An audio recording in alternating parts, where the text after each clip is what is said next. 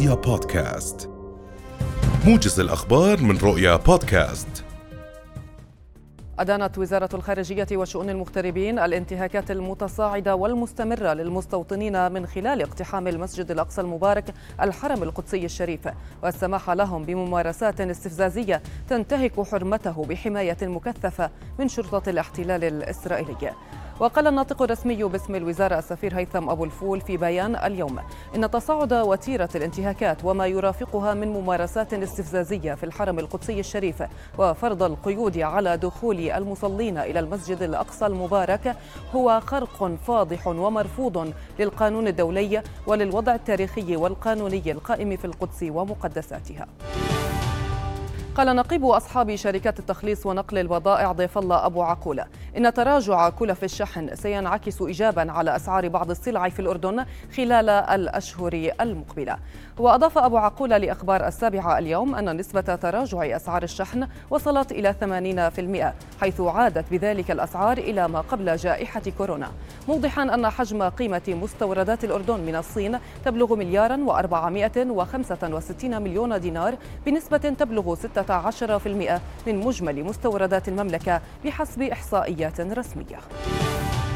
وضعت الحكومة خطة احترازية لمنع وصول وباء الكوليرا إلى الأردن خصوصا على المعابر والحدود في ظل ارتفاع الإصابات به في سوريا.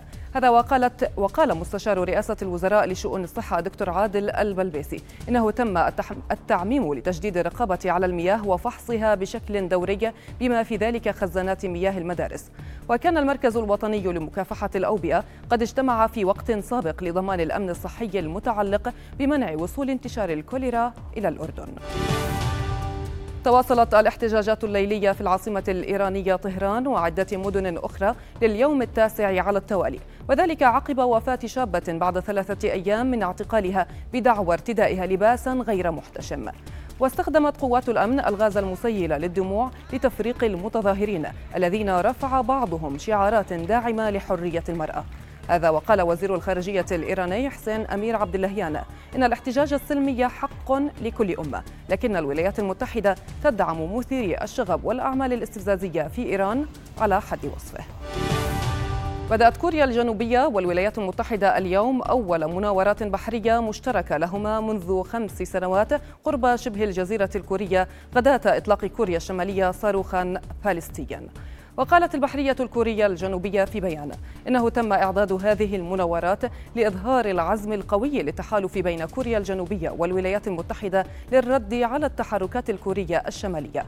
وتستمر المناورات أربعة أيام وتشارك فيها أكثر من عشرين سفينة بينها حاملة الطائرات الأمريكية العاملة بالدفع النووي رونالد ريغن فضلا عن وسائل جوية كبيرة.